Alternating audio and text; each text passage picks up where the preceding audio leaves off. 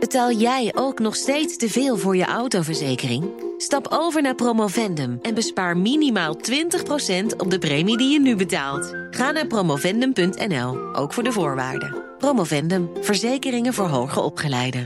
Bernards duizendste. Ja, want uh, jubileum deze week van onze eigen columnist en buitenlandcommentator Bernard Hammelburg spreekt deze week zijn duizendste column uit hier op BNR. Dat doet hij morgen. Op dit tijdstip? Live, kwart voor acht. Dit tijdstip staat hij hier naast ons in de studio om nummer duizend te brengen. Maar wij duiken dus in het rijke archief van al die columns. De hele week hoor je de mooiste. We gaan terug even naar 19 augustus 2019. Toen er een, uh, nou laten we zeggen, nogal controversiële meneer in het Witte Huis zat. Die daar graag wilde terugkeren in 2024. De column van Bernard Hammelburg. Toen Donald Trump zich in de Amerikaanse verkiezingsstrijd stortte, rekenden zijn rivalen en de media erop dat die patserige parvenu met zijn gefeunde, geblondeerde haar binnen de kortste keren zou vastlopen in het moeras van de echte grote politiek. Want ja, hij mag dan miljardair zijn, maar in hun ogen was hij niet meer dan een soort geblondeerde volkszanger in een duur pak. Zo'n man verdwaalt in kwesties als IS, handelspolitiek en gezondheidszorg. Dat dachten ze en ze hadden wel een punt, want hij slaat voornamelijk wartaal uit. Vrouwen zijn hondjes, vette varkentjes, slonzen en walgelijke beesten. IS wordt gefinancierd door Iran. Dus alle concurrenten en commentatoren zeggen: die man snapt er niets van en gedraagt zich niet presidentieel, wat dat ook mogen betekenen. Nu de werkelijkheid.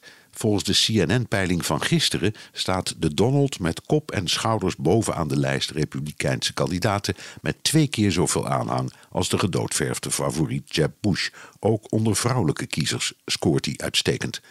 Wat is hier aan de hand?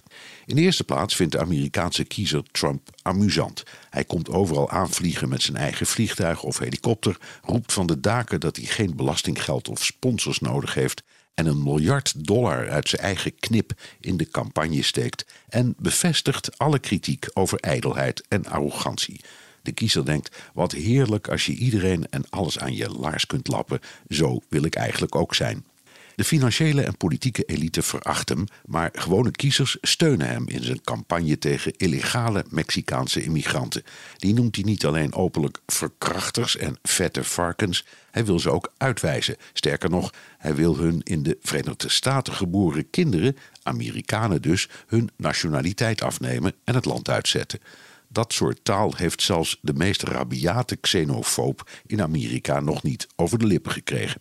Het opmerkelijke is dat hij daarmee geweldig scoort, juist onder minderheden.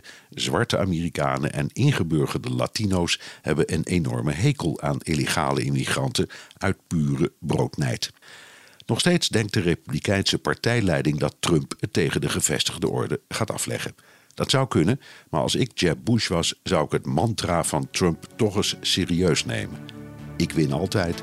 Dat is wat ik doe: mensen verslaan. Ik win.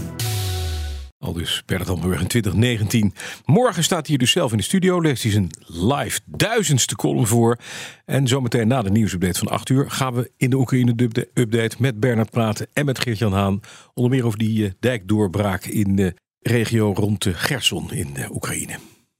Betaal jij ook nog steeds te veel voor je autoverzekering? Stap over naar Promovendum en bespaar minimaal 20% op de premie die je nu betaalt. Ga naar promovendum.nl, ook voor de voorwaarden. Promovendum, verzekeringen voor hoger opgeleiden.